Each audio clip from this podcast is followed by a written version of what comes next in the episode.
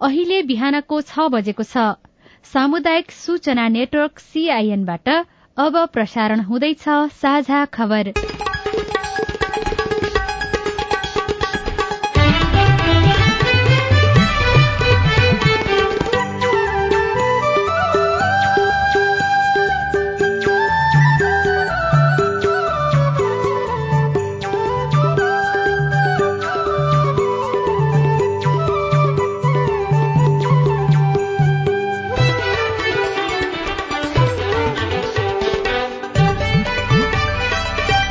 शुभ प्रभात यो सीआईएन को साझा खबर हो। सजना तिमल सिन्हासँगै लील प्रकाश चन्दको तपाईँलाई स्वागत छ। सामुदायिक रेडियोबाट देशैभरि एकैसाथ प्रसारण भइरहेको साझा खबर सीआईएन खबर डट कम र मोबाइल एप सीआईएनबाट पनि सुन्न सकिन्छ। आज दुई हजार उनासी साल पुष बाह्र गति मंगलबार डिसेम्बर सत्ताइस तारीक सन् दुई हजार बाइस नेपाल सम्बत एघार सय त्रिचालिस पौष शुक्ल पक्षको चतुर्थी तिथि साझा खबरमा प्रमुख खबरका शीर्षकहरू। जनताका सबै समस्या समाधान गर्दै जाने मन्त्री परिषदको प्रतिबद्धता राहदानी र लाइसेन्स लिनका लागि लाइन लाग्ने अवस्थाको अन्त्य गरिने आफूमाथि भइरहेको अनुसन्धानमा हस्तक्षेप नगर्ने गृहमन्त्रीको घोषणा। गठबन्धन भत्किनेको कारणबारे कांग्रेसले समीक्षा गर्ने शक्ति बाँडफाँडको जिम्मा अध्यक्ष स्तरीय संयन्त्रलाई पन्ध्र लाख मात्रा फाइजर खोप ल्याउने सरकारको तयारी। मोबाइलको सिम कार्ड र परिचय पत्र दुरूपयोगको जोखिम बढ़दै उन्तिस प्रकारका खराब मिचाहा प्रजाति विस्तार हुने क्रम बढ़दै कर्णालीका हिमाली जिल्लामा उडान थप। यमनको एउटा अस्पताल इन्धनको अभावमा बन्द। चीनमा आउँदो हप्तादेखि आगन्तुकले क्वारेन्टाइन बस्नु नपर्ने। बुर्किना फासोमा एउटा मिनी बस बारूदी सुरुङमा ठोकिँदा दसजनाको मृत्यु। र नेपाल टी ट्वेन्टी क्रिकेट प्रतियोगितामा आज दुई खेल हुँदै राखेप आफ्नो क्षेत्राधिकार बाहिर गएको तेक्वान्दो संघको आरोप।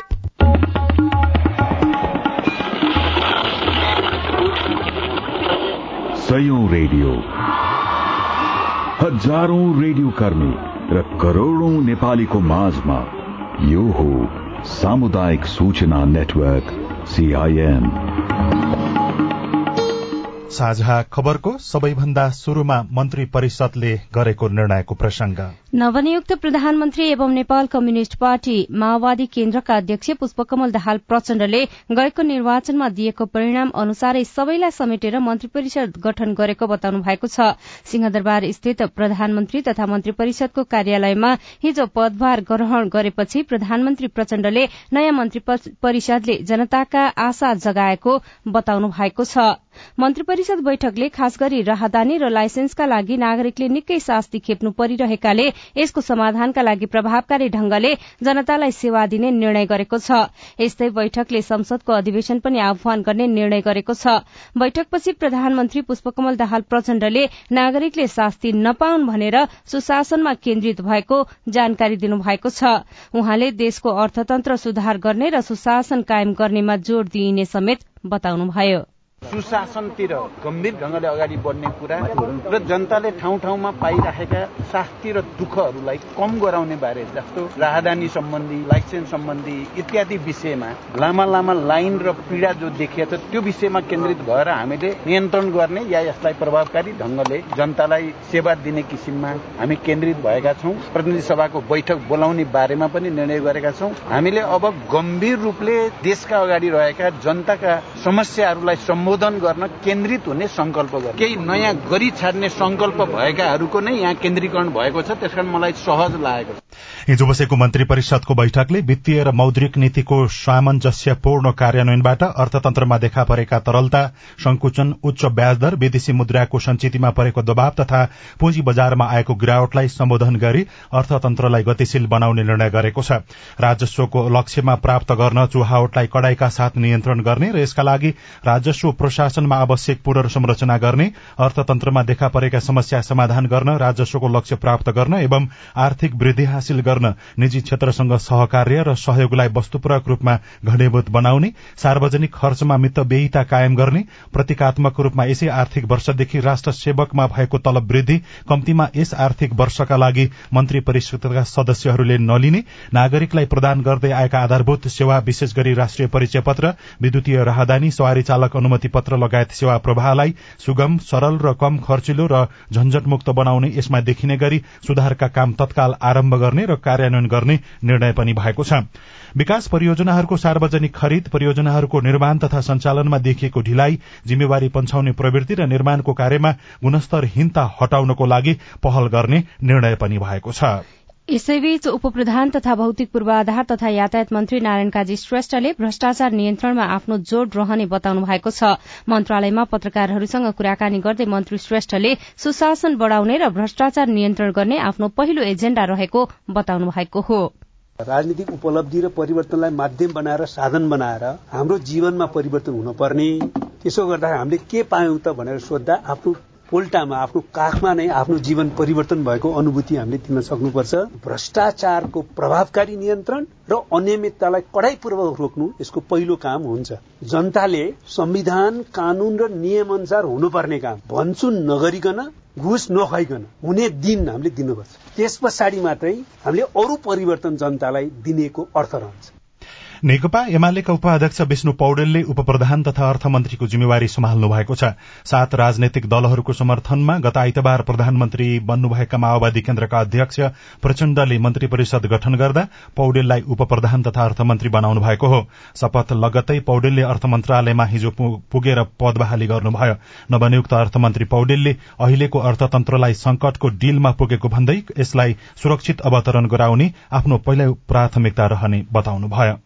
मुलुकका अर्थतन्त्रका सामुन्नेमा देखा परेका चुनौतीहरू काबू बाहिर छैनन् तिनलाई समाधान गर्न सकिन्छ र राष्ट्रिय अर्थतन्त्रलाई एउटा सबल ढंगले अगाडि बढाउन सकिन्छ भन्ने कुरामा विश्वस्त हुँदै अर्थ मन्त्रालयका सबै सकारात्मक प्रयासहरूमा सहयोग गर्नका लागि रचनात्मक ढंगले सुझाव सल्लाह दिनका लागि सबै सबैसँग पनि म हार्दिक रूपमा आग्रह गर्न चाहन्छु। नेपाल प्रहरीले नागरिकता र पासपोर्ट दुरूपयोग गरेको विषयमा अनुसन्धान गरिरहेका व्यक्ति नै उप प्रधानमन्त्री तथा गृहमन्त्रीमा नियुक्त हुनुभएको छ। रवि लामिछाने राष्ट्रिय स्वतन्त्र पार्टी राष्ट्रपाका अध्यक्ष लामिछाने उप प्रधान तथा गृहमन्त्रीमा नियुक्त भएपछि उहाँको नागरिकता प्रकरणको अनुसन्धान के गर्ने भन्ने अन्यल सृजना भएको बेला आफू मातहतका निकायलाई अनुसन्धान गर्न खुला छाडिदिए पनि अनुसन्धान हुनेमा भने शंका उत्पन्न भएको भनेर टीका टिप्पणी भइरहेको छ। उहाँले आफैमाथि अनुसन्धान गर्न प्रहरीलाई छूट दिएको भन्दै संचार माध्यममा भने पनि आफू पदमा रहँदा त्यसको छानबिनमा पर्ने असर र प्रभाव बारे भने अझै मौन देखिएको भनेर टीका टिप्पणी भइरहेको छ। त्यति मात्रै होइन संचार माध्यमका अगाडि सार्वजनिक खपतका निमित्त नवनियुक्त उप प्रधान तथा गृहमन्त्री लामिछानेले मन्त्री परिषद भित्रै आफू प्रतिपक्षी बन्ने घोषणा पनि गर्नुभएको छ।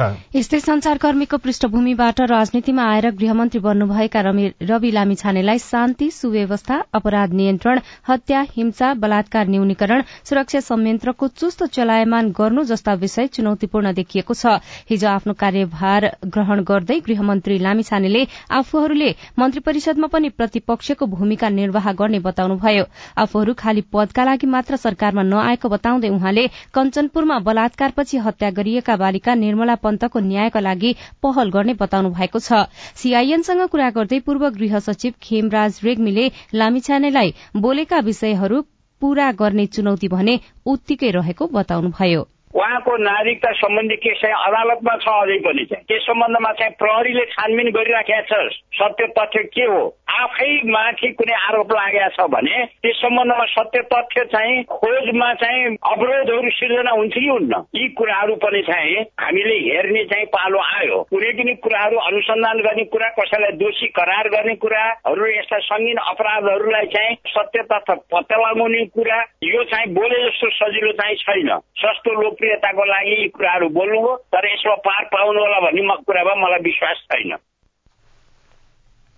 यसैबीच नयाँ सरकारलाई सन्ताउन्न अंकको नेप्सेले स्वागत गरेको छ। नयाँ सरकार गठनको प्रक्रियाले मूर्त रूप लिएपछि धितोपत्र बजारले त्यसलाई स्वागत गरेको हो। धितोपत्र बजारमा शेयर कारोबार मापक नेप्से परिसूचक उच्च अंकले वृद्धि भएको छ। नयाँ सरकार आइसकेपछि अर्थतन्त्र सुधारको लागि के के काम गर्न सक्छ? सीआईएनसँग कुराकानी गर्दै पूर्व अर्थ सचिव कृष्णहरि बास्कोटाले भन्नुभयो। पुरानो सरकार हुन्जेल तरलताको अवस्था थियो राजनीतिक तरलता हुने बित्तिकै स्टक मार्केट घट्ने सुन जस्ता चिजहरूको तस्करीहरू बढ्ने मान्छेले पैसा होर्डिङ गर्ने बैङ्कमा नराख्ने अदृश्य कारोबारहरू कालोबजारिया हुने हाम्रो खुल्ला सिमाना छ तस्करीहरू हुने काम हुन्छ। नयाँ सरकार आइसकेपछि मान्छेले स्टेबल छान्छ त्यसले गर्दा बोरामा राखेको पैसा अथवा तक्याउने राखेको पैसा बैङ्कमा लिएर जान्छ। बैङ्कले लगानी गर्न सक्ने वातावरण हुन्छ। नयाँ सरकार पाँच लागि बन्छ भनेपछि व्यापारीहरूले पनि पाँच वर्षको नीति चाहिँ यो भएर त्यो नीति अनुसार लगानी गर्छन्। र बाहिर आउने एफडिआई फरेन डाइरेक्ट इन्भेस्टमेन्ट पनि नयाँ सरकार गठन भएपछि मात्रै आउने विश्वव्यापी अनुभव छ। पहिलो कुरो त निर्वाचनको बेलामा चाहिँ अर्थतन्त्र खुम्चिन्छ। निर्वाचनपछि नयाँ सरकार जस्तोसुकै आए पनि अर्थतन्त्र सुदृढ भएर जान्छ। अब राति हुन्जेलसम्म चाहिँ मान्छेले लुगा सुकाउन सक्दैनन्। बिहान चाहिँ घाम झुल्केपछि लुगा सुकाउन थाल्छन्। अब लुगा सुकाउँदा कहिले कतापट्टि छाया पर्छ कहिले कतापट्टि के पर्छ र लुगालाई विभिन्न सारिन्छ त्यस्तै हो। नयाँ सरकार गठन नहुने भनेको अँध्यारो अवस्था थियो। नयाँ सरकार गठन हुने भनेको घाम झुल्के जस्तो अब घाम झुल्किसकेपछि जसरी लुगा चाहिँ कहाँनिर घाम पर्यो त्यहीँनिर चिसो लुगा सुकाइन्छ भने जस्तै मन्त्रीहरू अनुसार फरक पर्छ। राष्ट्रिय योजना आयोगको उपाध्यक्ष र नेपाल राष्ट्र ब्याङ्कको गभर्नर चाहिँ सप्लिमेन्ट्री कम्प्लिमेन्ट्री रूपमा जानुपर्छ र उद्योग वाणिज्य तथा आपूर्ति मन्त्री पनि अर्थमन्त्रीलाई सघाउने हुनुपर्छ।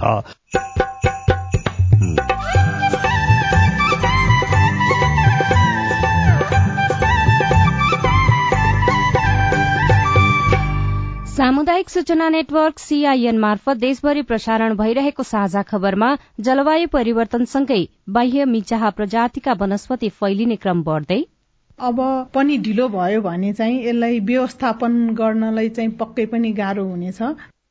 मोबाइलको सिम कार्ड र परिचय पत्र दुरूपयोगको जोखिम बढ़दै कर्णालीका हिमाली जिल्लामा उडान थप लगायतका खबर बाँकी नै छन्। सीआईएनको साझा खबर सुन्दै गर्नुहोला। सबैलाई नमस्कार। अध्यक्ष उपाध्यक्ष सदस्य सबै पो आउनुभएछ त। हामी त विपद व्यवस्थापनमा जनप्रतिनिधिको भूमिकाकै बारेमा पो छलफल गर्दै थियौं। अनि के छ निष्कर्ष सुनौ न त? बाढ़ी पहिरो भूकम्प लगायतका विपदको समयमा महिलाका समस्या सम्बोधन गर्न पालिकाले अझ धेरै काम गर्न सक्छ भन्ने हाम्रो बुझाइरह्यो। विपद सम्बन्धी स्थानीय नीति कानून मापदण्ड बनाउने र कार्यान्वयन अनुगमन नियमनको अधिकार स्थानीय सरकारलाई छ। त्यसमा महिलाको पनि सहभागिता बढाउनु पर्यो। पालिकाको अध्यक्ष मै छु। पाएको अधिकार अनुसार हामी बनेको कानून कार्यान्वयन गर्ने अनि आवश्यक कानून बनाउने चरणमै छौं। अब तपाईँका सुझाव पनि समेटिन्छन् है। विपदको तयारी र प्रतिकार्यका लागि पालिकामा रहेको संयन्त्र र योजना अनि नीतिहरू महिला बालबालिका अपाङ्गता भएका यौनिक अल्पसंख्यक समुदायका व्यक्तिको आवश्यकतामा आधारित हुनु पर्यो अध्यक्षज्यू। दिदी बहिनीहरूले सही कुरा उठाउनु भयो यहाँ उठेका सबै कुरा कार्यपालिकाको बैठकमा राख्ने प्रतिबद्धता जनाउँदै बरु अध्यक्षज्यू अहिलेसम्म बनेका कानून कस्तो बने अनि भविष्यमा कस्तो बनाउने भन्ने बारे भोलि नै एउटा छलफल राखौ न हुन्न? विपद पहिले विपदको बेला र विपद पछि कस्तो नीति बनाउने र महिलालाई कसरी सम्बोधन गर्ने भन्ने बारेमा भोलि नै सर्वपक्षीय बैठक गरौं। आएका सुझाव समेटेर बनेका कानून संशोधन र नयाँ कानून बनाउन पालिका तयार छ। विपद सम्बन्धी कानून निर्माण र कार्यान्वयनमा महिलाको अर्थपूर्ण सहभागिता खोजौं। युएन उमनको सहयोगमा ल्याक र अकोराब नेपाल। सामाजिक रूपान्तरणका लागि यो हो सामुदायिक सूचना नेटवर्क सीआईएन तपाई अहिले देशभरिका सामुदायिक रेडियो सीआईएन खबर डट कम र मोबाइल एप सीआईएनबाट एकैसाथ साझा खबर सुन्दै हुनुहुन्छ। मोबाइल एप नेपाली पात्रोबाट पनि सीआईएनको साझा खबर सुनिरहनु भएको छ। अब आज काठमाडौँबाट प्रकाशित पत्र पत्रिकाको खबर। गोर्खापत्र दैनिकमा पन्ध्र लाख मात्रा फाइजर खोप ल्याइने शीर्षकमा सरोज ढुङ्गेलले खबर लेख्नु भएको छ। छिमेकी देशमा कोविड उन्नाइसको नयाँ स्वरूप पुष्टि भएसँगै सरकारले नेपालमा पनि सतर्कता अपनाउन सुझाव दिएको छ। साथै सरकारले कोविडको नयाँ स्वरूपलाई लक्षित गर्दै फाइजरको नयाँ खोप ल्याउने प्रक्रिया पनि अघि बढ़ाएको छ। स्वास्थ्य तथा जनसंख्या मन्त्रालयका सचिव डाक्टर रोशन पोखरेलले स्वास्थ्य सेवा विभागले गावी मार्फत पन्ध्र लाख डोज फाइजरको नयाँ खोप ल्याउने तयारी भइरहेको जानकारी दिनुभएको छ। उक्त खोप नयाँ भेरिएन्टका लागि प्रभावकारी रहेको पुष्टि भएको विश्व स्वास्थ्य संगठनले प्रमाणित गरेपछि खोप ल्याउने तयारी भइरहेको हो। यस्तै कर्णालीका हिमाली जिल्लामा उडान थप शीर्षकमा गोर्खापत्र दैनिकमै खबर छापिएको छ। सरकारी स्वामित्वको नेपाल वायु सेवा निगमले कर्णाली र सुदूरपश्चिम प्रदेशका हिमाली जिल्लामा उडान थप गरेको छ। निगमले कर्णालीका चार र सुदूरपश्चिमको एक गरी पाँच जिल्लामा उडान थप गरेको हो। नयाँ पत्रिका दैनिकमा शक्ति बाँडफाँटको जिम्मा अध्यक्ष स्तरीय संयन्त्रलाई सत्ता गठबन्धनमा रहेका दलका अध्यक्षहरू रहने संयन्त्रको छलफल र सहमतिका आधारमा मन्त्री परिषद विस्तार गर्दै जाने तथा प्रदेश सरकार सहित राजकीय मामिलाको शक्ति बाँडफाँट टुंग्याउने सहमति भएको खबर छापिएको छ। अर्को खबर राष्ट्रपति कार्यालयमा ओली नेपाल सम्वाद शीर्षकमा लेखिएको छ एमाले अध्यक्ष केपी शर्मा ओली र एकीकृत समाजवादी पार्टीका अध्यक्ष माधव कुमार नेपालबीच पार्टी विभाजन पछि दोस्रो पटक हिजो सम्वाद भयो। प्रधानमन्त्री पुष्पकमल दाहाल प्रचण्डको शपथ ग्रहण समारोहमा सहभागी हुन सोमबार हिजो शीतल निवास पुग्नुभएका उहाँहरू पूर्व प्रधानमन्त्रीको हैसियतमा समयले एउटै लहरको कुर्सीमा एकै ठाउँमा बसेको बेलामा सम्वाद भएको हो। कान्तिपुर दैनिकको भित्री पन्नामा सिम कार्ड र परिचय पत्र दुरूपयोगको जोखिम बढ़दो शीर्षकमा सजना बरालले लेख्नु भएको छ। विदेशमा भएका र दिवंगतका नाममा समेत सिम कार्ड निकालेर ठगी र सट्टेबाजी गरेको समेत पाइएको छ। अर्कैको नामको कागजातबाट बैंक खाता र कम्पनी खोल्ने सम्मको बदमाशी हुने गरेको छ। यसबारेमा अनुसन्धान भइरहेको प्रहरीले बताएको छ। र नागरिक दैनिकमा कांग्रेसमा किचलो शीर्षकमा खबर छ। नेपाली कांग्रेसले संघीयता सहित प्रदेशका सरकारहरूको नेतृत्व गुमाएसँगै पार्टीभित्रको आन्तरिक विवाद तीव्र बन्न पुगेको छ। प्रधानमन्त्री र राष्ट्रपति दुवै पद कांग्रेसले नछाड्दा माओवादी लोकतान्त्रिक वाम गठबन्धन छोडेर एमाले सहितको नयाँ गठबन्धनमा गएको थियो। यस बारेमा पार्टीभित्र समीक्षा गरिने नेताहरूले बताएका छन्। साझा खबरमा अब हेलो सीआईएन अविनाश आचार्यबाट। दिपेन्द्र परियार जुनिचाने दुई जागरकोटबाट बोल्दैछु। राष्ट्रिय परिचय पत्र बनाउने भन्ने कुरा थियो यसको लागि अहिलेसम्म पाएको छैन। यसको लागि स्थानीय सरकारबाट हुन्छ कि या त प्रशासनमा जानुपर्ने हुन्छ कि त्यसको लागि अब कागज कागज डकुमेन्ट के के चाहिन्छ थाहा पाइदिएको भए आभारी हुने थिए। जानकारी गराउँदै हुनुहुन्छ जाजरकोटका प्रमुख जिल्ला अधिकारी अञ्जन नेउपाने। राष्ट्रिय परिचय पत्र विभाग तथा पञ्जीकरण विभागले टोली बनाएर पालिका पालिकामा राष्ट्रिय परिचय पत्र फोटो खिच्ने काम चाहिँ बाँकीमा भएको छ। त्यो सकिए पछाडि मलाई जागरकोटमा सुरु हुन्छ भनेर भन्नुभएको छ। तत्काललाई चाहिँ जिल्ला प्रशासन कार्यालयबाटै खिच्नु पर्यो। फोटो खिच्न आउँदाखेरि नायकको प्रमाणपत्र विवाहित हो भने विवाह दर्ता प्रमाणपत्र लिएर आउनुपर्ने हुन्छ। अछाम जिल्ला ढकारी गाउँपालिका वडा नम्बर दुईबाट नेत्रबहादुर साउद सत्र वर्षको भए। दुई हजार अठहत्तर सालमा कोरोनाको पहिलो डोज खोप लगाएको छु। अब म दोस्रो खोप कहाँ र कहिले कसरी लगाउन सक्छु? नेत्रजी कोरोना विरुद्धको खोप कहाँबाट लगाउन सकिन्छ भनेर हामीले ढकारी गाउँपालिकाका स्वास्थ्य संयोजक लक्ष्मण शाहलाई सोधेका छौं। तपाईँले पहिलो खोप जहाँ लगाउनु त्यो खोप केन्द्रबाट पनि लगाउनु पाउनुहुन्छ जुन वडामा तपाईँ बस्नुहुन्छ त्यो वडाको साथ संस्थामा सम्पर्क गर्यो भने अथवा हाम्रो ढाकारी गाउँपालिकामा सात शाखामा सम्पर्क गर्नु भने कहिले लगाउने दिन हो तपाईँको त्यतिखेर हामी खबर गरेर त्यो अनुसार लगाउन पाउन सक्नुहुन्छ। सबै वडामा निरन्तर सबै कोभिड खोपको पहिलो मात्रा दोस्रो मात्रा बुस्टर मात्रा सबै चलिरहेको छ। म हिरासिंह रतुकी बैतौडी जिल्ला पुर्चौडी नगरपालिकाबाट। नागरिकतामा नेपाली डेट र इङ्ग्लिस डेटमा फरक परेको छ। नागरिकतामा दुई हजार उनपचास एक तेह्र छ भने त्यसलाई कन्भर्ट गर्दा उन्नाइस सय बयानब्बे चार पच्चिस हुनु पर्थ्यो सत्ताइस भएको छ। पासपोर्टमा उन्नाइस सय बयानब्बे चार सत्ताइस छ। यसको समस्या समाधान कसरी हुन्छ? तपाईँको समस्या कसरी समाधान गर्न सकिएला? बताउँदै हुनुहुन्छ बैतडीका प्रमुख जिल्ला अधिकारी सुरेश पन्थी। तपाईँले आफ्नो सम्बन्धित जिल्ला प्रशासन कार्यालय बैतडीको हकमा तपाईँ इलाका कार्यालय इलाका प्रशासन कार्यालय पुर्चौडीमा सम्पर्क गरेर अहिले हाम्रो अटोमेटिक कन्भर्ट सिस्टम हुन्छ। सिस्टमले नै कन्भर्ट गर्ने हुनाले अब तपाईँले प्रतिलिपि दिनुभयो भने तपाईँको जुन समस्या छ त्यो चाहिँ स्वतः समाधान हुन्छ। राहदानीको विषयमा चाहिँ के हुन्छ? नयाँ नागरिकता लिइसकेपछि त्यसका आधारमा उहाँले पुनः आफ्नो राहदानी चाहिँ सत्ताउन तपाईँ जुनसुकै बेला हाम्रो टेलिफोन नम्बर शून्य एक बान्न साठी छ चार छमा फोन गरेर आफ्नो विचार प्रश्न गुनासो तथा प्रतिक्रिया रेकर्ड गर्न सक्नुहुन्छ। साझा खबरमा अब विदेशको खबर यमनको दक्षिण पश्चिमी प्रान्त ताइजमा रहेको सबैभन्दा ठूलो अस्पताल इन्धनको अभावका कारण बन्द भएको छ। अस्पतालका एक चिकित्सकलाई उद्धृत गर्दै समाचार संस्था सिनुहाले इन्धनको अभावका कारण सेवा नै बन्द गर्नु परेको खबर लेखेको हो। चीनले आगन्तुकका लागि गरेको अनिवार्य क्वारेन्टाइनको व्यवस्था आउँदो हप्तादेखि अन्त्य गर्ने घोषणा गरेको छ। शून्य कोविड नीति कार्यान्वयन गरेको चीनले जनवरी आठदेखि आगन्तुकले क्वारेन्टाइन बस्नु नपर्ने जनाएको हो। ओमिक्रोन बीए पाँचको सब भेरिएन्ट नयाँ स्वरूप बीएफ सेभेन चीन छिमेकी चीन भारत लगायत एकानब्बे देशमा फैलिएको छ। विगतका भेरिएन्ट भन्दा फैलिने दर उच्च र द्रुत रहेको बीएफ सेभेनको जीन विश्वका एकानब्बे देशमा फैलिएको अमेरिकाको स्क्रिप्स रिसर्च इन्स्टिच्यूटले जानकारी दिएको छ र बुर्किना फासोमा एउटा मिनी बस बारूदी सुरुङमा ठोकिँदा कम्तीमा दस जनाको मृत्यु भएको छ। अरू पाँचजना घाइते भएका छन्। नाइजरसँगको सीमा नजिकै भएको दुर्घटनामा केही मानिस हराइरहेका बीबीसीले जनाएको छ। साझा खबरमा अब खेल खबर नेपाल टी ट्वेन्टी क्रिकेट प्रतियोगितामा आज दुई खेल हुँदैछन्। आज बिहान नौ बजे पोखरा एभेन्चर्स र लुम्बिनी अल स्टार खेल्नेछन्। यस्तै दिउँसो एक बजे काठमाण्डु नाइट्स र जनकपुर रोयल्स खेल्नेछन्। दुवै खेल किर्तिपुर स्थित त्रिवी मैदानमा हुनेछ। र नेपाल तेक्वाण्डो संघले आफ्नो क्षेत्राधिकारबाट बाहिर गई राष्ट्रिय खेलकुद परिषद राखेपले खेल संघहरूमाथि हस्तक्षेप गरेकोमा सबै खेल कर्मीले विरोध गर्नुपर्ने जनाएको छ।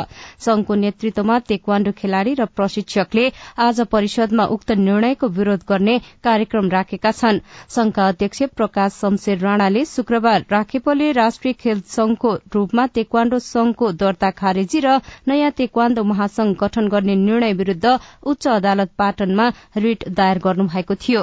राखेपले मन्त्रीको निर्णय कार्यान्वयन गर्दै गत मंगलबार तेक्वाण्डो उसु र शारीरिक सुगठन संघ दर्ता खारेजी तथा पुनर्गठन गरेको थियो। मिचाहा प्रजातिका वनस्पति सत्तरी जिल्लामा पुगे। यसको प्रभाव के छ? रिपोर्ट अरू खबर र कार्टुन पनि बाँकी नै छ। सीआईएनको साझा खबर सुन्दै गर्नुहोला।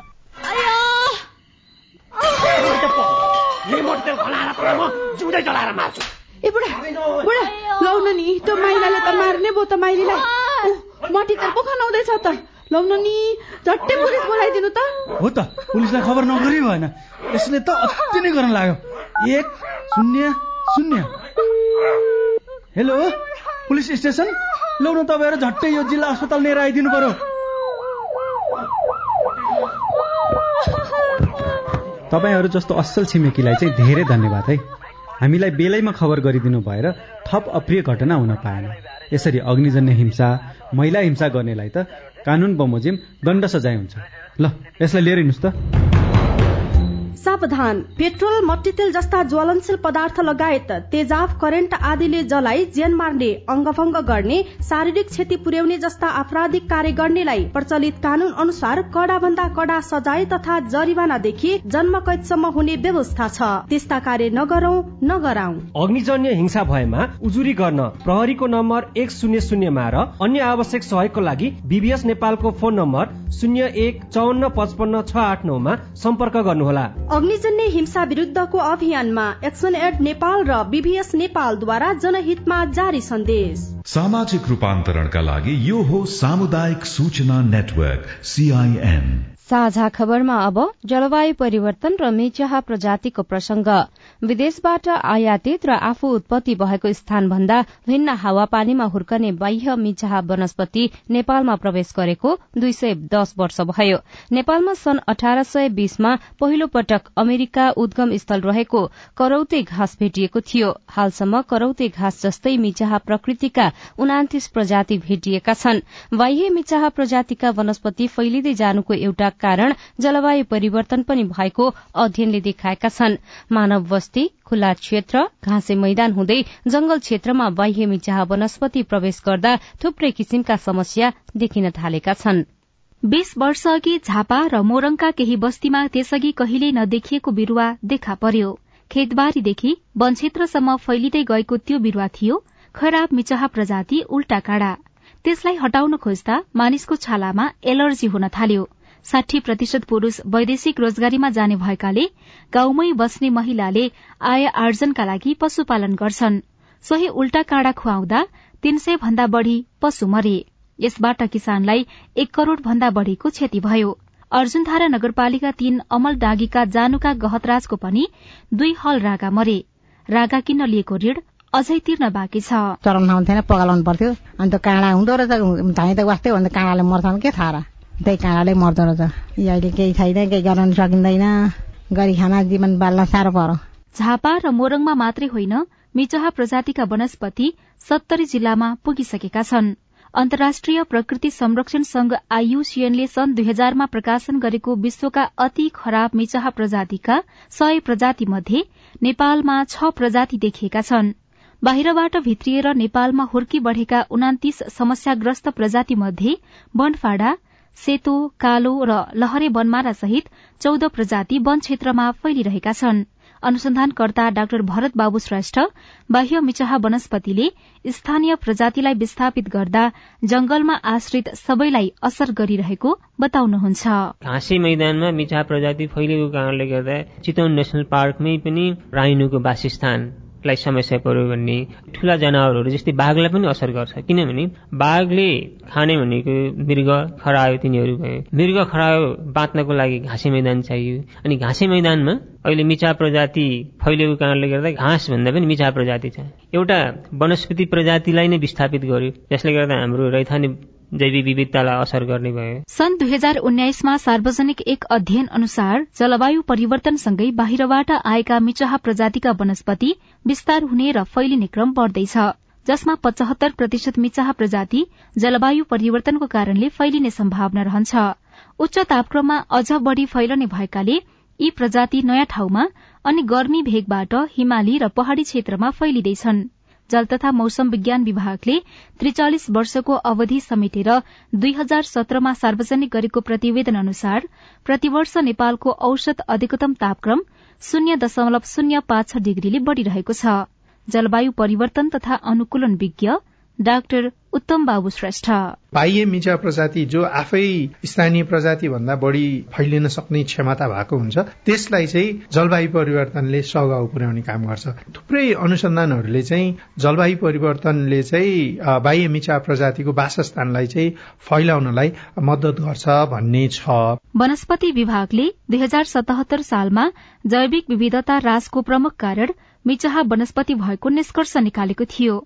यसैका कारण कृषि र वनको चरण क्षेत्रको उत्पादकत्व घटाउनुका साथै जड़ीबुटी लगायत गैरकाष्ट वन पैदावारको उत्पादन र गुणस्तर समेत घटाइरहेको छ। तर यो विषय सरकारको प्राथमिकतामा भने पर्न सकेको छैन। मिचहा प्रजातिका वनस्पतिको पहिचान र नियन्त्रण गर्न वनस्पति तथा वनस्पति स्रोत सम्बन्धी विधेयक अलपत्र छ। राष्ट्रिय वन अनुसन्धान तथा प्रशिक्षण केन्द्रले कार्य योजना नै बनाएर प्रत्येक वर्ष मन्त्री परिषदमा पेश गर्ने गरेको छ। तर पारित भएको छैन। केन्द्रका उपसचिव सुनिता उलक। अब पनि ढिलो भयो भने चाहिँ यसलाई व्यवस्थापन गर्नलाई चाहिँ पक्कै पनि गाह्रो हुनेछ।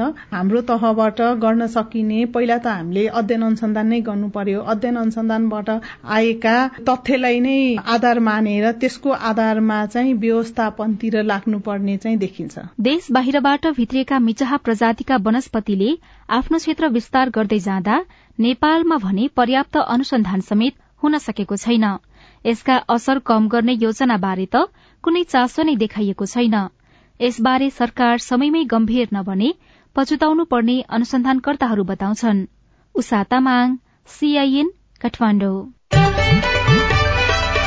ब्रिटिश काउन्सिलको रोड टू कप अभियान अन्तर्गत जलवायु परिवर्तनमा महिला संवाददाता अनुदानको सहयोगमा तयार पारिएको रिपोर्टसँगै हामी साझा खबरको अन्त्यमा आइपुगेका छौं। केही खबर संक्षेपमा मुलुककै प्रमुख ठूलो प्रशासनिक क्षेत्र सिंहदरबार परिसरमा विद्युतीय सवारी साधन चार्ज गर्न पाँचवटा चार्जिङ स्टेशन बनाइने भएको छ।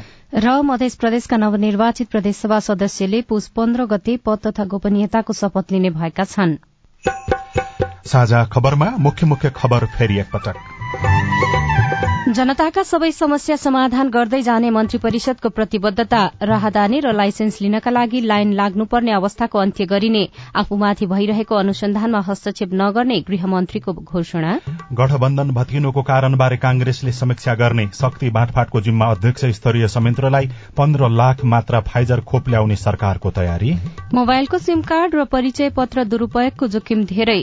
उनातिस प्रकारका खराब मिचाहा प्रजाति विस्तार हुने क्रम बढ़दै कर्णालीका हिमाली जिल्लामा उडान थप। यमनको एउटा अस्पताल इन्धनको अभावमा बन्द चीनमा आउँदो हप्तादेखि आगन्तुकले क्वारेन्टाइन बस्नु नपर्ने बुर्किना फासोमा बस दुर्घटना हुँदा दस जनाको मृत्यु। र नेपाल टी क्रिकेट प्रतियोगितामा आज दुई खेल हुँदै राखेप आफ्नो क्षेत्राधिकार बाहिर गएको तेक्वाण्डो संघको आरोप।